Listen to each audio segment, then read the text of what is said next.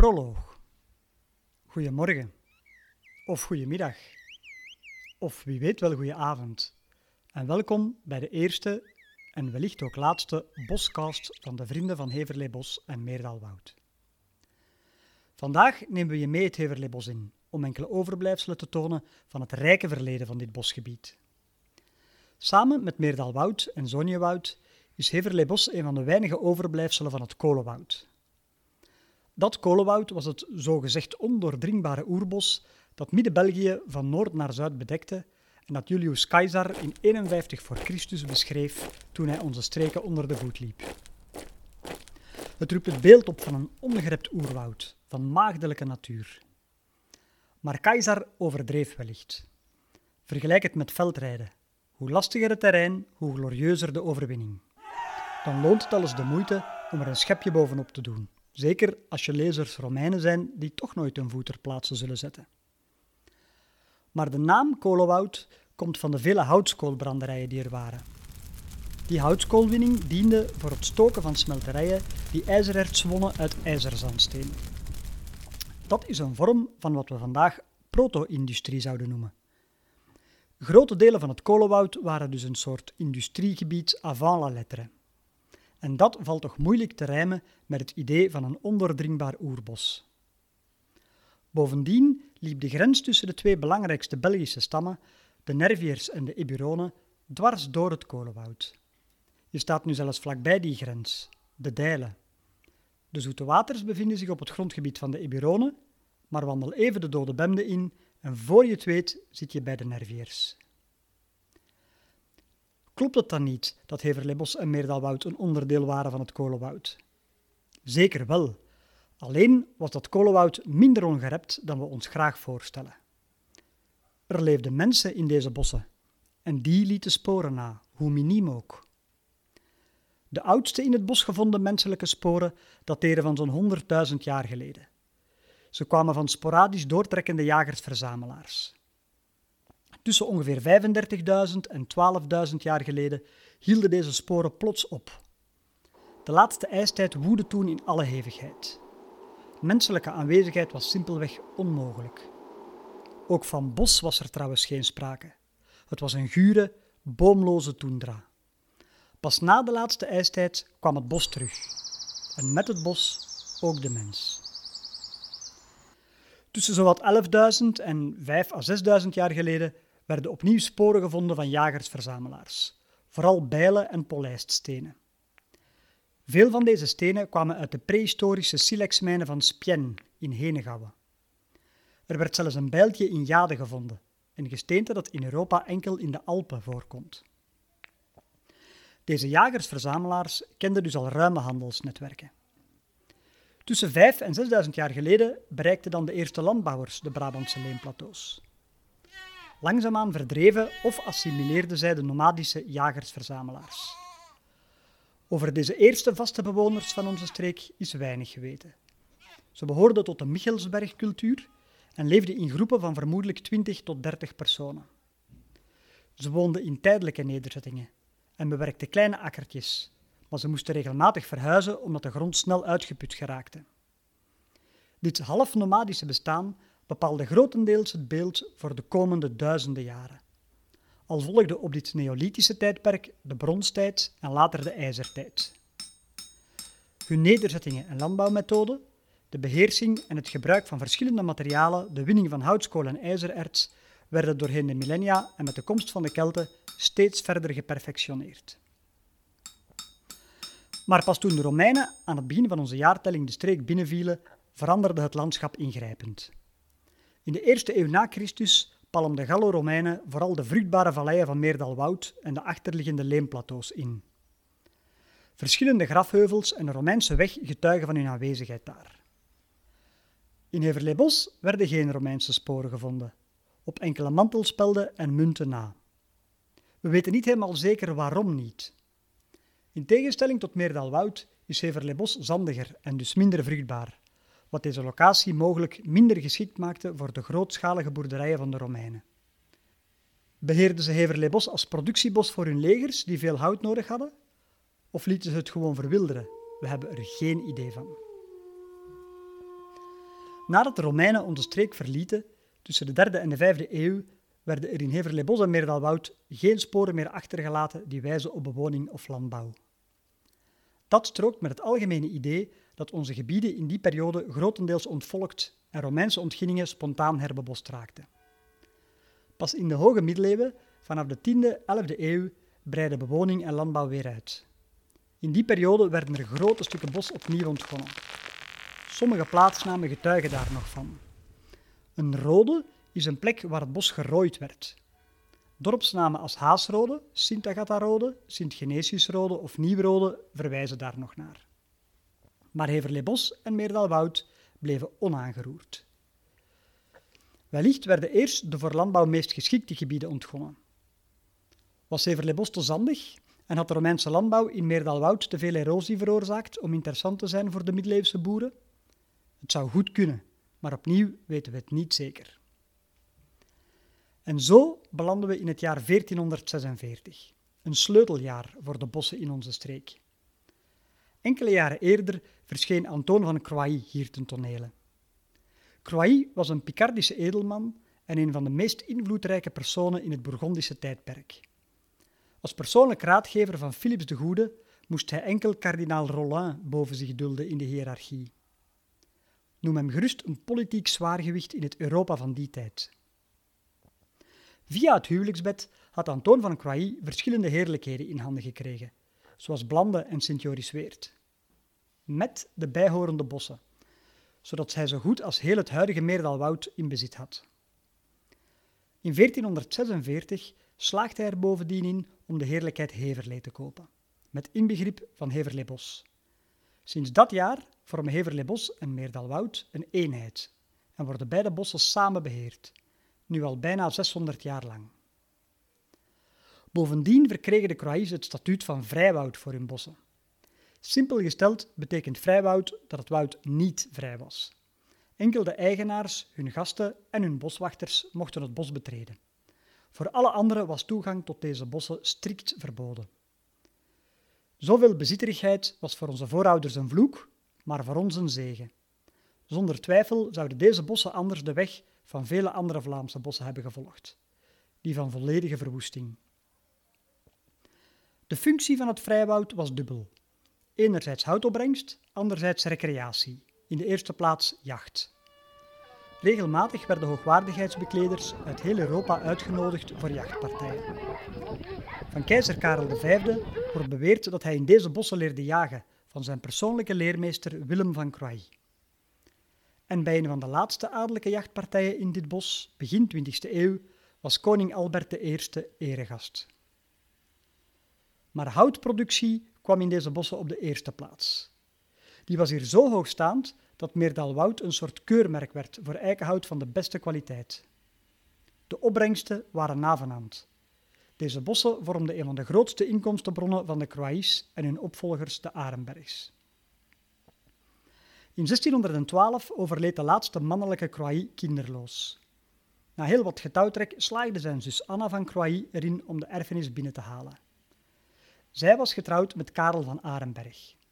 Na haar overlijden kwamen Heverleebos en Meerdalwoud samen met het kasteel van Heverlee in handen van de hertogen van Arenberg. En dat zou zo blijven tot in 1918, toen de Belgische staat de vele bezittingen van de Arenbergs in ons land opeiste als compensatie voor het uitblijven van Duitse herstelbetalingen. Want hoewel de Arenbergs al eeuwenlang in de zuidelijke Nederlanden woonden, werden ze nog altijd gezien als Duitsers. Hun stamgebied, Arenberg, lag in Duitsland. En dat leverde hen een zitje op in de Duitse Rijksdag en een hoge rang in het Duitse leger.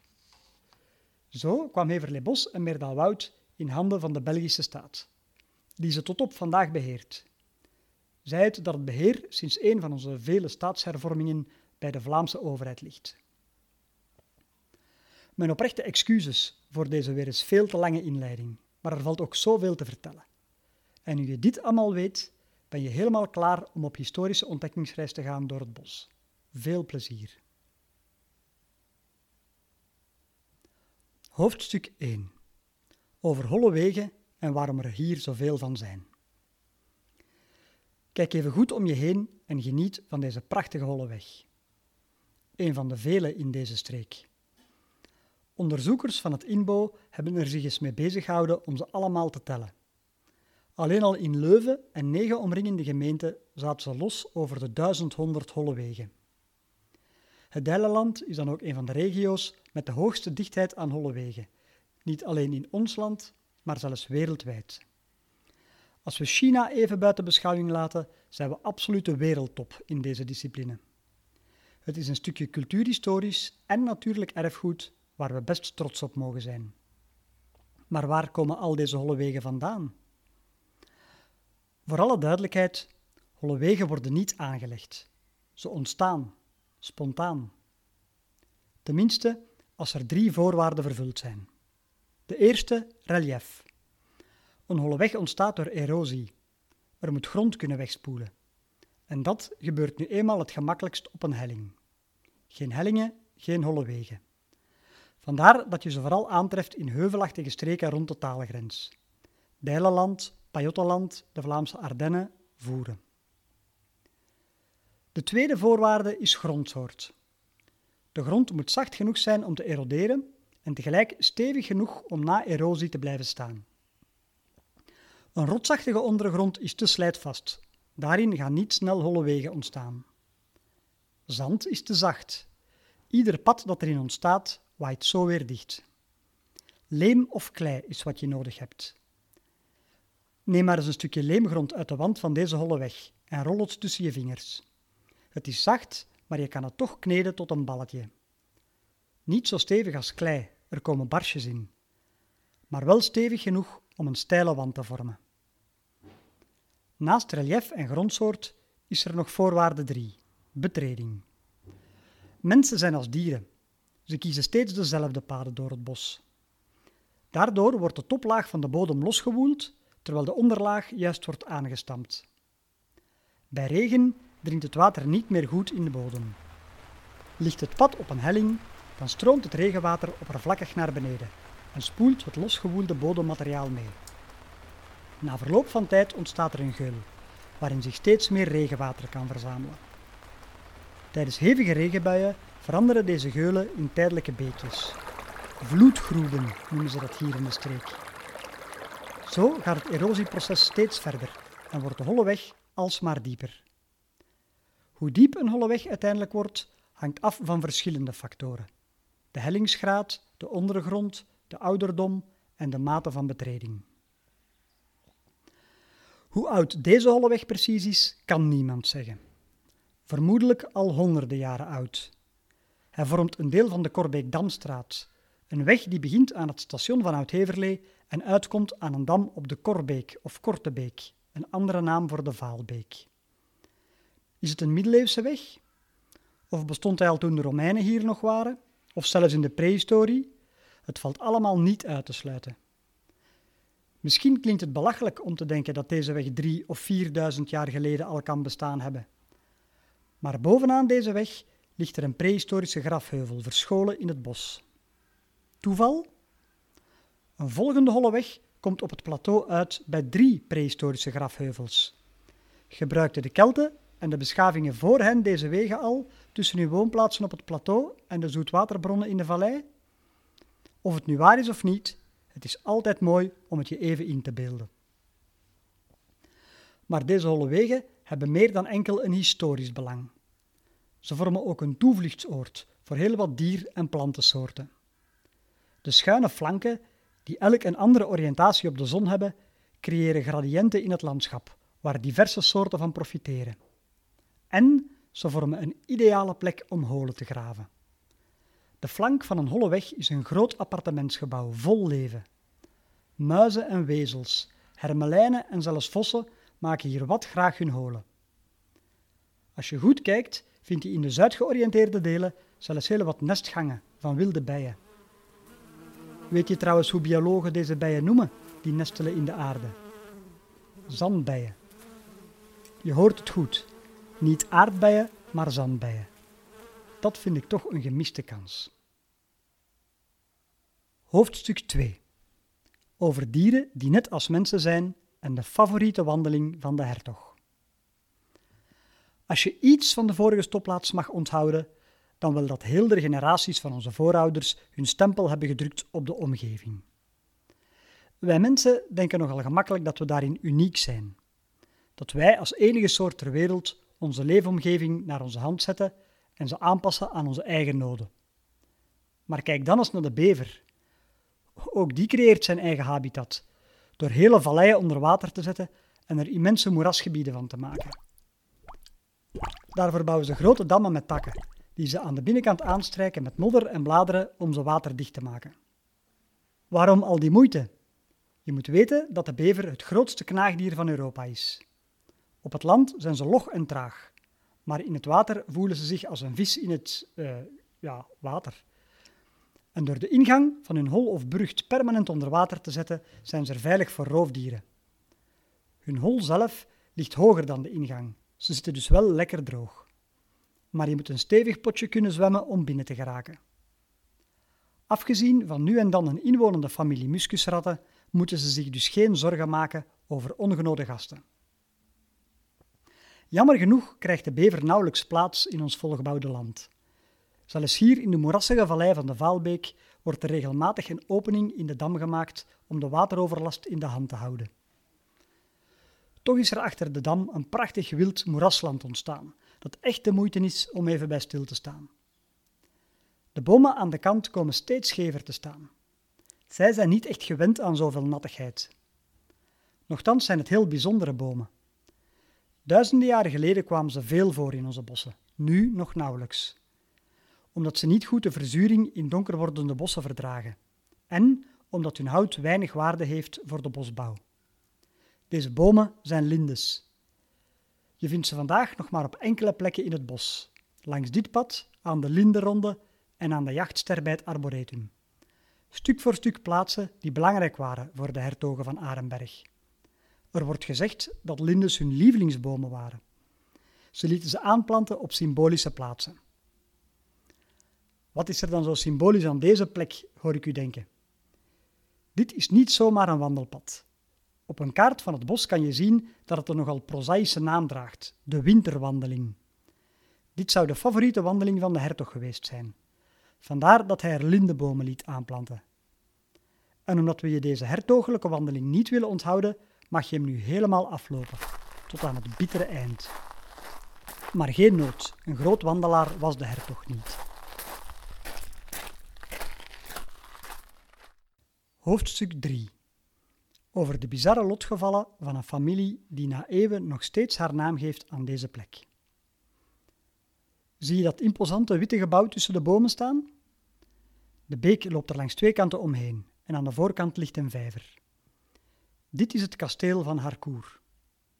Het is te zeggen, dit is het neoclassicistische landhuis dat de toenmalige burgemeester van Oud-Heverlee begin 19e eeuw liet bouwen op de plek waar voorheen een middeleeuwse waterbrug stond. Toch noemen de Vaalbekenaren dit tot op de dag van vandaag het kasteel van Harcourt, hoewel deze Normandische familie intussen al zo'n 600 jaar van het toneel is verdwenen. Zoveel indruk maakte zij met haar tragische lotgevallen. We schrijven 1284. T, W, A, A en zo verder. In Brabant zwaait hertog Jan I de plak, die we vandaag vooral kennen omdat hij zowel in België als in Nederland zijn naam gaf aan bier, respectievelijk Primus en hertog Jan, en uiteraard van de monsterhit toen hertog Jan kwam varen. In diezelfde periode zijn zijn leenmannen, de heren van Bierbeek, aan lager wal geraakt. De hertog besluit om hun leengebieden terug te nemen. Het kasteel van Vaalbeek is er één van. Hij brengt deze gebieden onder in de erfenis van zijn vader, die hij deelt met zijn broer Godfried. Die Godfried was verdomd ambitieus, maar als tweede zoon van zijn vader had hij niets in de pap te brokken. Om die streefzucht te stillen, schonk Jan I via vaders erfenis heel wat gronden aan zijn broer. Bierbeek, Blande, Sint-Joris-Weert, Meerdalwoud, Aarschot en omstreken. Maar zo snel was de ambitie van Godfried niet geblust. Via familierelaties in het Franse koningshuis kon hij het regelen dat hij een even machtig heerser zou worden dan zijn broer, graaf van Vlaanderen. Mits een klein akkefietje geregeld was, een formaliteit. namelijk dat de Fransen die Vlamingen eerst in de pan hakten tijdens een veldslag. Het is de vroege zomer van 1302 en wie zijn geschiedenis kent, of het Vlaams regeerakkoord, weet dat het zo niet is gegaan. De Vlamingen worden niet in de pan gehakt, ze stoven de Fransen in peer. Godfried staat voor een moeilijke keuze. Het slagveld met de staart tussen de benen verlaten en als een lafaard terugkeren naar de brug in Vaalbeek die hem te min was, of blijven vechten tot hij zelf als gehakt in de pan met Vlaamse peren valt. Hij kiest de tweede. Bovendien had Godfried zich zo zeker gevoeld dat hij zijn enige zoon mee naar het slagveld nam. Ook die zoon wordt gestoofde peer. Gevolg? De hele erfenis van Godfried moet verdeeld worden onder zijn vier wettige dochters. De onwettige dochters zitten in een klooster. Onnodig te zeggen dat die erfenis niet van vandaag op morgen geregeld is. Maar in 1303 wordt het land van Bierbeek, met inbegrip van het kasteel in Vaalbeek, toegewezen aan de oudste dochter Aleid. Aleid, die regelmatig haar onwettige zussen gaat bezoeken in een klooster in Frankrijk en daar, ondanks de zedige omgeving waarin ze zich bevindt, alle vormen van kuisheid laat varen en een romance begint met een Normandische edelman, die daar ook een zus bezoekt. De man heet Jean d'Arcourt. Aleid trouwt met Harcourt, ze krijgen kindjes en ze gaan in de Brucht van Vaalbeek wonen. Eindgoed, al goed, zou je denken. Maar in 1337 breekt de Honderdjarige Oorlog uit. De Franse koning dagvaart verschillende Normandische edellieden en laat ze voor het gemak ook onthoofden. Sinds de verovering van Engeland in 1066 hadden de Normandiërs een rechtstreekse bloedband met het Engelse koningshuis. Niet gek dus dat ze verdacht worden van sympathie voor de Engelsen. Onder de gedagvaarde edellieden bevindt zich Godefroy d'Harcourt, een zoon van Jean en Aleid. Omdat hij zijn hoofd nog niet beu is, vlucht hij naar Engeland en sluit zich aan bij de Engelsen. Zo komt hij in 1346 terecht op het slagveld van Crécy. En wie loopt hij daar tegen het lijf? Zijn twee broers, die zich intussen braafjes hebben aangesloten bij het leger van de Franse koning. Godefroy is wel zo sympathiek om zijn broers geen kopje kleiner te maken, maar helaas zijn niet alle Engelsen even liefdadig. De Fransen worden in Crécy verpletterend verslagen. Beide broers sneuvelen. Godefroy krijgt vroeging en keert zijn kar. Hij verzoent zich met de Franse koning, zodat hij zich met de opvoeding van zijn twee intussen vaderloze neven kan bezighouden. Maar negen jaar later, bij een conflict over de Franse troonopvolging, wedden beide neven op het verkeerde paard. Het paard dat wel koning wordt, laat hen onthoofden. Godefroy is razend. Zo razend dat hij van lieverlede weer overloopt naar de Engelsen om bij de eerstvolgende veldslag op zijn beurt de dood te vinden. Het einde van het geslacht Harcourt in Vaalbeek volgt een goede halve eeuw later. Marie d'Harcourt, de laatste bewoonster met deze achternaam, laat haar bezittingen in Bierbeek en Aarschot na aan haar dochter Marguerite de Lorraine. Die huwt in 1432 met Antoon van Croix, de man die we eerder al tegenkwamen, toen hij zowel Heverlee-Bos als Meerdal-Woud binnenrijfde in zijn hebberige schoot. Toch behield het kasteel in de volksmond de naam van de familie die hier meer dan honderd jaar bitter ongelukkig is geweest. Hoofdstuk 4 Over de nieuwe bewoners van een oude kelder. Proficiat, je hebt het plaats 4 gevonden. Nu vraag je je misschien af waarom ik je helemaal tot hier heb laten komen om naar een kapotte deur te kijken. Dat is een goede vraag, ik leg het je meteen uit. Van het kasteel van Harcourt schiet niets meer over. Dan bedoel ik het echte kasteel van Harcourt, de middeleeuwse waterburcht. Niets, helemaal verdwenen, verzwolgen door de tijd. Behalve dit.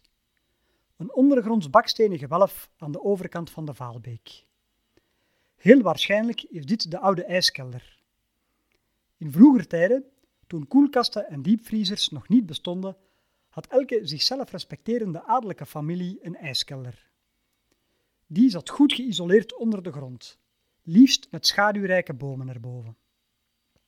Swinters werden er grote ijsblokken uit vijvers en beken gezaagd en in deze ijskelders gelegd, met een vers laagje stro erbovenop ter isolatie. Drie jaar geleden deed het regionaal landschap Dijlenland een experiment in de pas gerestaureerde ijskelder van het kasteel van Arenberg.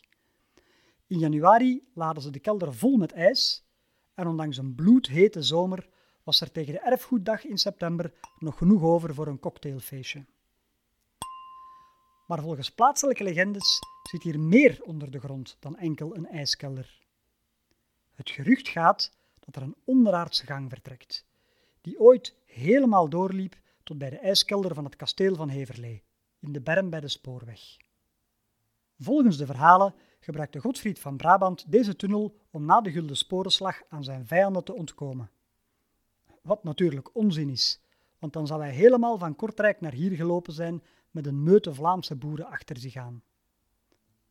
Anderen beweren dat de mannelijke harkoers deze tunnel bezigden om ongezien bij minaressen te komen, zodat ze er de aan hun stand verplichte buitenechtelijke kinderen konden verwekken.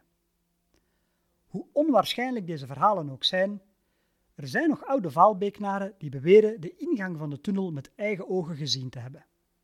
En hem zelfs een aantal meter te hebben gevolgd, tot op de plek waar de tunnel was ingestort. Anderen kenden de oude bewoners van het landhuis, die als kind deze gang zouden gebruikt hebben om naar school te gaan.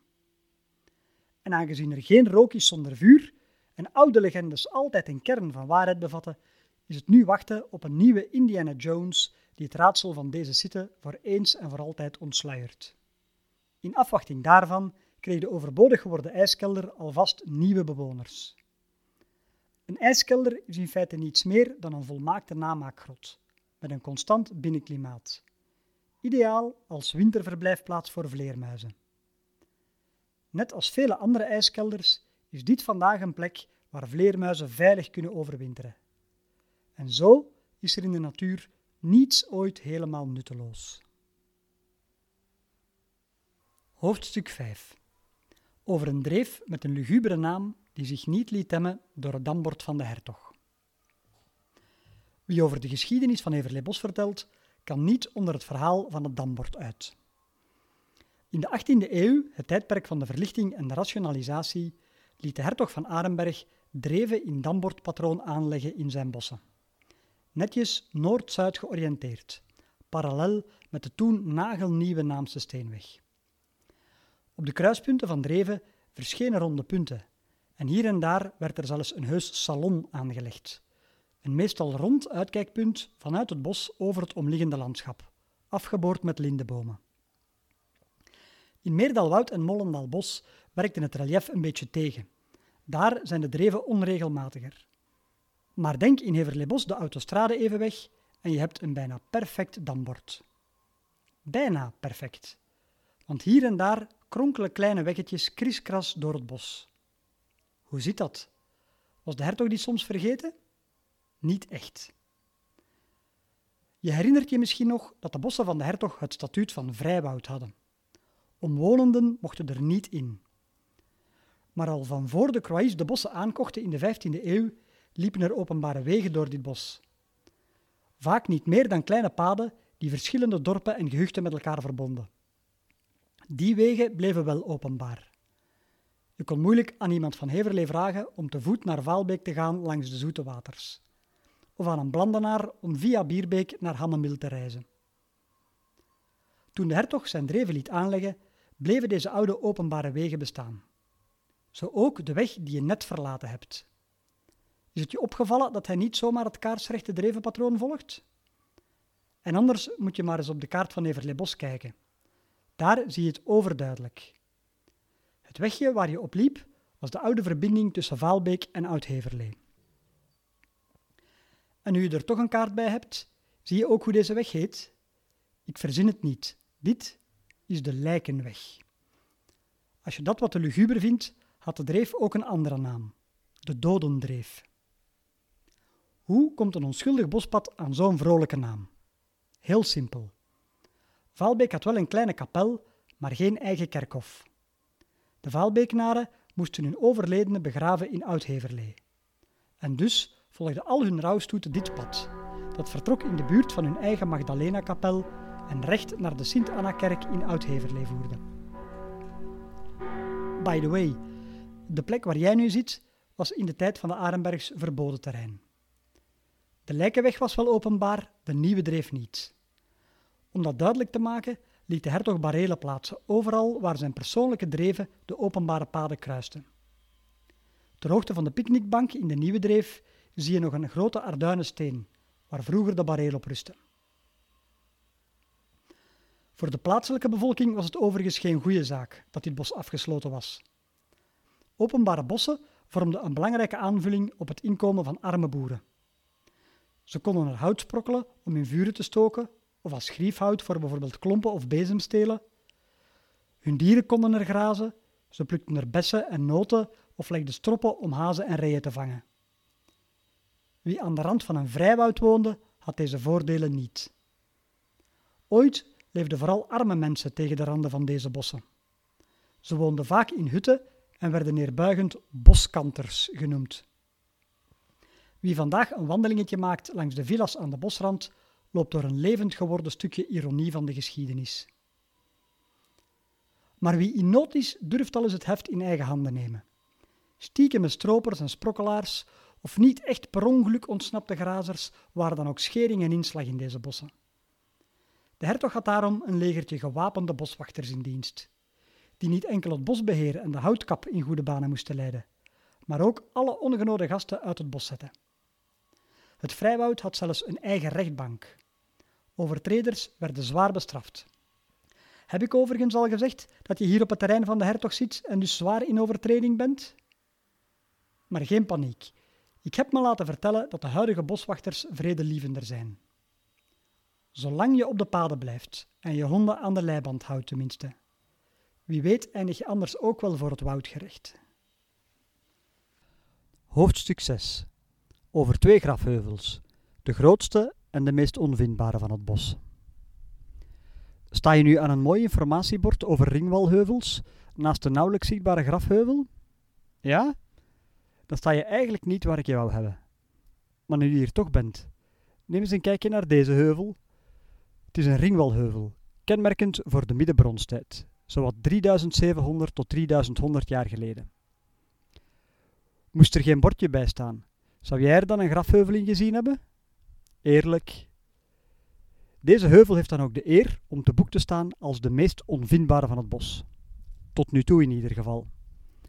Hij werd minder dan 20 jaar geleden ontdekt door een archeoloog achter een computerscherm. Dat hoor je goed, achter een computerscherm. Hij werd niet eens ontdekt op het terrein. Begin jaren 2000 werd een baanbrekend nieuw hulpmiddel voor archeologie ontwikkeld: LIDAR. Dat is een systeem waarmee via kleine vliegtuigjes of zelfs drones een gebied in kaart gebracht wordt met laserstralen.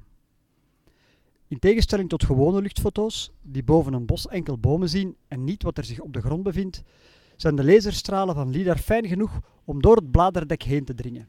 Zo scannen ze de bodem en die gegevens worden samengebracht in het digitaal hoogtemodel. Dat hoogtemodel wordt dan in beeld gebracht met de Hillshade-techniek, die kleine niveauverschillen weergeeft door middel van schaduwen. Relatief kleine afwijkingen van het bodemoppervlak worden zo zichtbaar op de digitale kaart.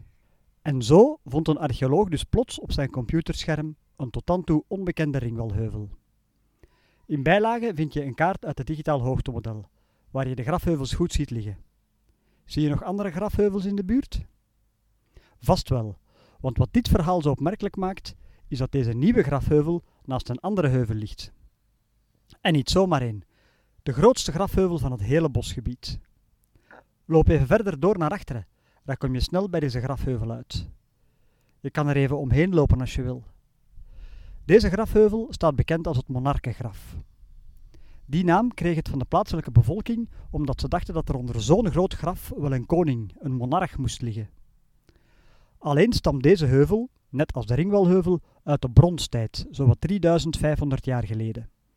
En in die tijd werden doden niet begraven, maar verbrand. Dit is niet het graf van één persoon, maar een brandskeletgraf. Gecremeerde beenderen werden in een kuil gelegd, vaak in een houten kist of een urne. Die kuil werd toegedekt met een laagje aarde. Later gebeurden er dan steeds meer bijzettingen bovenop en aan de randen van dit eerste graf, totdat er een soort van familiegrafheuvels ontstonden. Heel vaak stonden er rond deze grafheuvels palerijen, om de wereld van de levenden te scheiden van die van de doden. Of dat hier ook zo was, weten we niet zeker, want er werd nooit archeologisch onderzoek uitgevoerd op de grafheuvels in Heverlee-Bos. Als je het digitaal hoogtemodel goed bestudeert, zal je zien dat er iets ten noorden van deze heuvels nog een derde grafheuvel ligt, en dat net ten westen ervan een holle weg het plateau oploopt. Die holle weg is een deel van de Pragenstraat, de vroegere verbinding tussen Oud-Heverlee en het gehucht Pragen. Ook dit is weer zo'n oude openbare weg die dwars door het bos loopt. Onderzoekers gaan ervan uit dat de ligging van deze heuvels niet toevallig is. Ze liggen geconcentreerd aan de rand van het plateau. Ook andere grafheuvels in Heverleebos liggen op hoge punten. Als we ervan uitgaan dat dit landschap in die tijd minder bebost was dan vandaag, door de kleine nederzettingen en akkertjes die de boeren hier aanlegden, moeten deze grafheuvels van ver zichtbaar zijn geweest. Wellicht zelfs vanuit grote delen van de vallei, zeker als er palissaden rondgestaan hebben. Deze grafheuvels vormen vaste bakens in het landschap, ankerpunten. In een tijd dat nederzettingen en landbouwgronden regelmatig verhuisden omdat de grond uitgeput geraakte, waren deze grafheuvels zowat de enige vaste elementen in het landschap.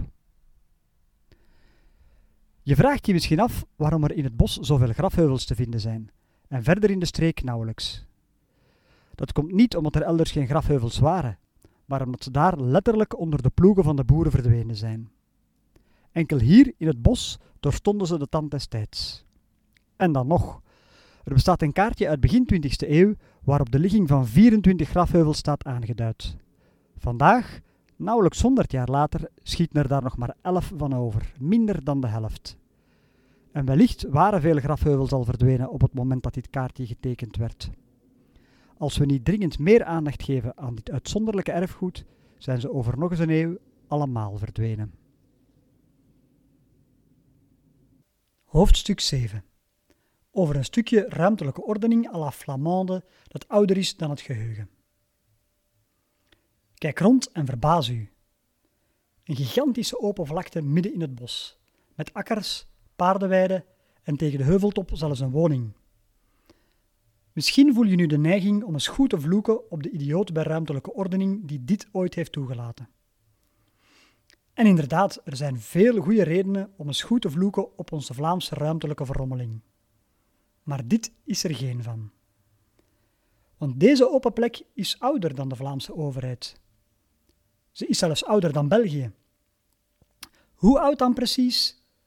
Dat weet eigenlijk niemand. Wat weten we wel? Dat deze velden en weilanden er al waren toen de Ferraris-kaarten werden opgemaakt, zo'n 250 jaar geleden.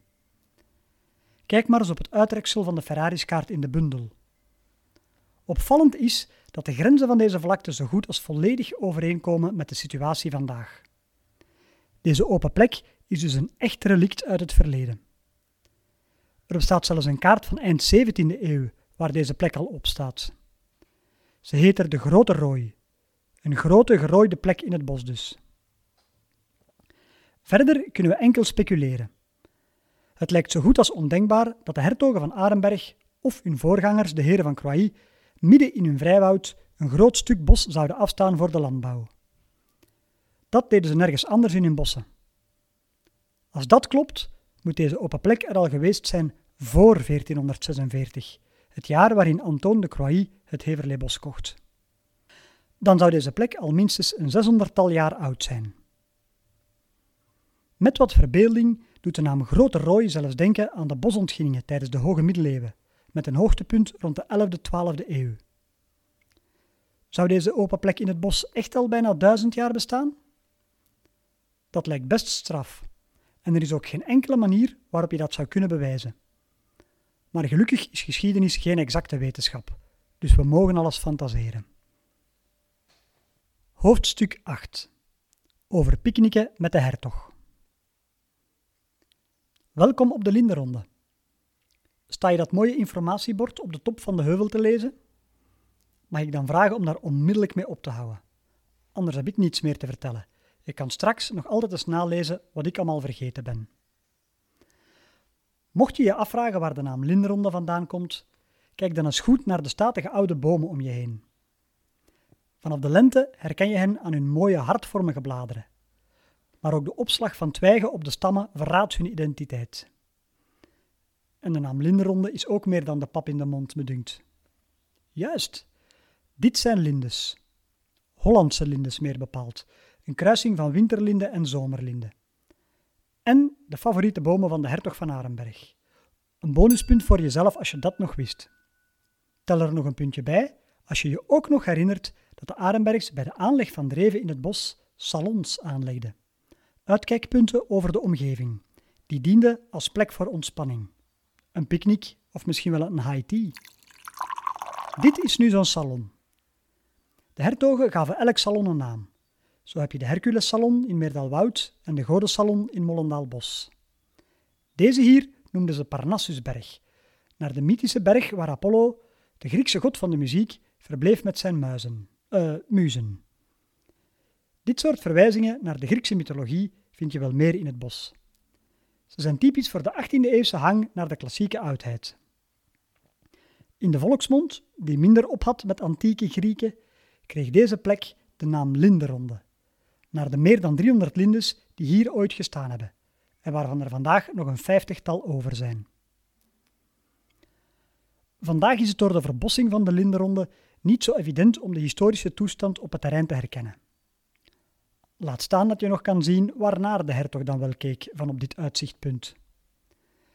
Nu zie je vooral monumentale lindes, maar ook enkele monumentale beuken en Amerikaanse eiken. Er staan hier een paar prachtige bomen langzaam en waardig dood te gaan. Maar toen de Arenbergs hier rondliepen, waren deze bomen niet monumentaal. Dit is dus niet het uitzicht waar zij naar keken. Het digitaal hoogtemodel en de Ferrari's-kaart in de bundel kunnen je helpen om de omgeving te zien zoals zij ze zagen. Op het digitale hoogtemodel zie je een ronde, driemaal getrapte heuvel met een diepe gracht rond. Zowel links als rechts loopt de gracht aan weerszijden van de dreef verder. Aan de rechterzijde stopt de zuidelijke gracht nogal abrupt. Een deel is gedempt voor het buitenverblijf dat hier in de 20e eeuw jammerlijk werd gebouwd. Aan de noordkant van de heuvel loopt de gracht niet helemaal door, maar wordt onderbroken door een trapeziumvormig hellend vlak. Als je met deze hoogtekaart in handen het terrein verkent, lukt het je vast om een deel van deze structuur nog te herkennen. En leg je er de Ferrari's-kaart naast, dan zie je de opmerkelijke gelijkenis met het huidige hoogtemodel. De kaart liegt niet. De ondergrond ziet er hier nog bijna hetzelfde uit als in de 18e eeuw. Ook het trapeziumvormige vlak zie je duidelijk op de Ferrari's kaart. Alleen stonden er toen nog geen bomen op. Daar had je dus vroeger je uitzicht. Doordat de bosranden in die tijd nog niet verkaveld waren voor villawijken, kon je vanaf hier het dorp van Oud-Heverlee rond de Romaanse toren van de Sint-Anna-kerk zien liggen. Vandaag zie je enkel nog bomen. Maar gezien de visuele verminking die we sinds de Tweede Wereldoorlog aan onze bosranden hebben toegebracht, moeten we daar misschien blij om zijn.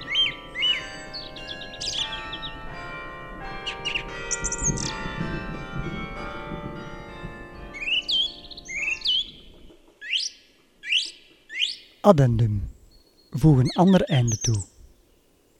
Sst. Hoort je dat? Dat is de techniek die niet stilstaat. En dankzij die techniek gaat ook de archeologische wetenschap met rassenschreden vooruit. Zeg jongens, u zit hier eigenlijk met dat mengpaneel te spelen? Cool. Archeologie gaat dus met rassenschreden vooruit.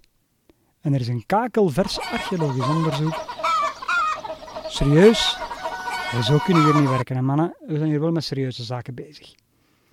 Er is dus een kakelvers onderzoek waarbij het agentschap Onroerend Erfgoed de nieuwste versie van het digitaal hoogtemodel heeft ingezet om de grafheuvels in Heverleebos opnieuw te onderzoeken. In hoge resolutie gingen ze nog eens op zoek naar de 26 grafheuvels die begin 20e eeuw gekend waren. En in plaats van 11 vonden ze er dit keer 25 terug. In de hele vorige eeuw is er dus slechts één grafheuvel effectief verloren gegaan. Meer nog, ze ontdekten zelfs vier mogelijke grafheuvels die tot nu toe onbekend waren. En ze gaan ervan uit dat deze bovengrondse resten wellicht slechts het topje van de ijsberg, eh, af uh, de grafheuvel zijn. Het raadsel van de geschiedenis wordt daarmee alleen maar groter. Bevinden er zich nog grote grafvelden onder Heverleebos? Klopt het vermoeden, na een eerste 3D-analyse van de beelden, dat er ook rond het monarkengraf een ringwal heeft gelegen? zitten er ook Romeinse tumuli tussen en waren de Gallo-Romeinen dus toch meer aanwezig in dit deel van het bos dan tot nu toe werd aangenomen. En wat is het verhaal achter de zeven grafheuvels die over een afstand van meer dan twee kilometer van noord naar zuid op een kaarsrechte lijn liggen? Ongetwijfeld ligt er nog opwindend historisch onderzoek aan de horizon. Reden voor een prehistorisch feestje? Niet helemaal. Want hetzelfde onderzoek toonde aan dat de meeste van deze grafheuvels in erbarmelijke staat zijn, op het terrein nauwelijks herkenbaar en ernstig bedreigd in hun voortbestaan.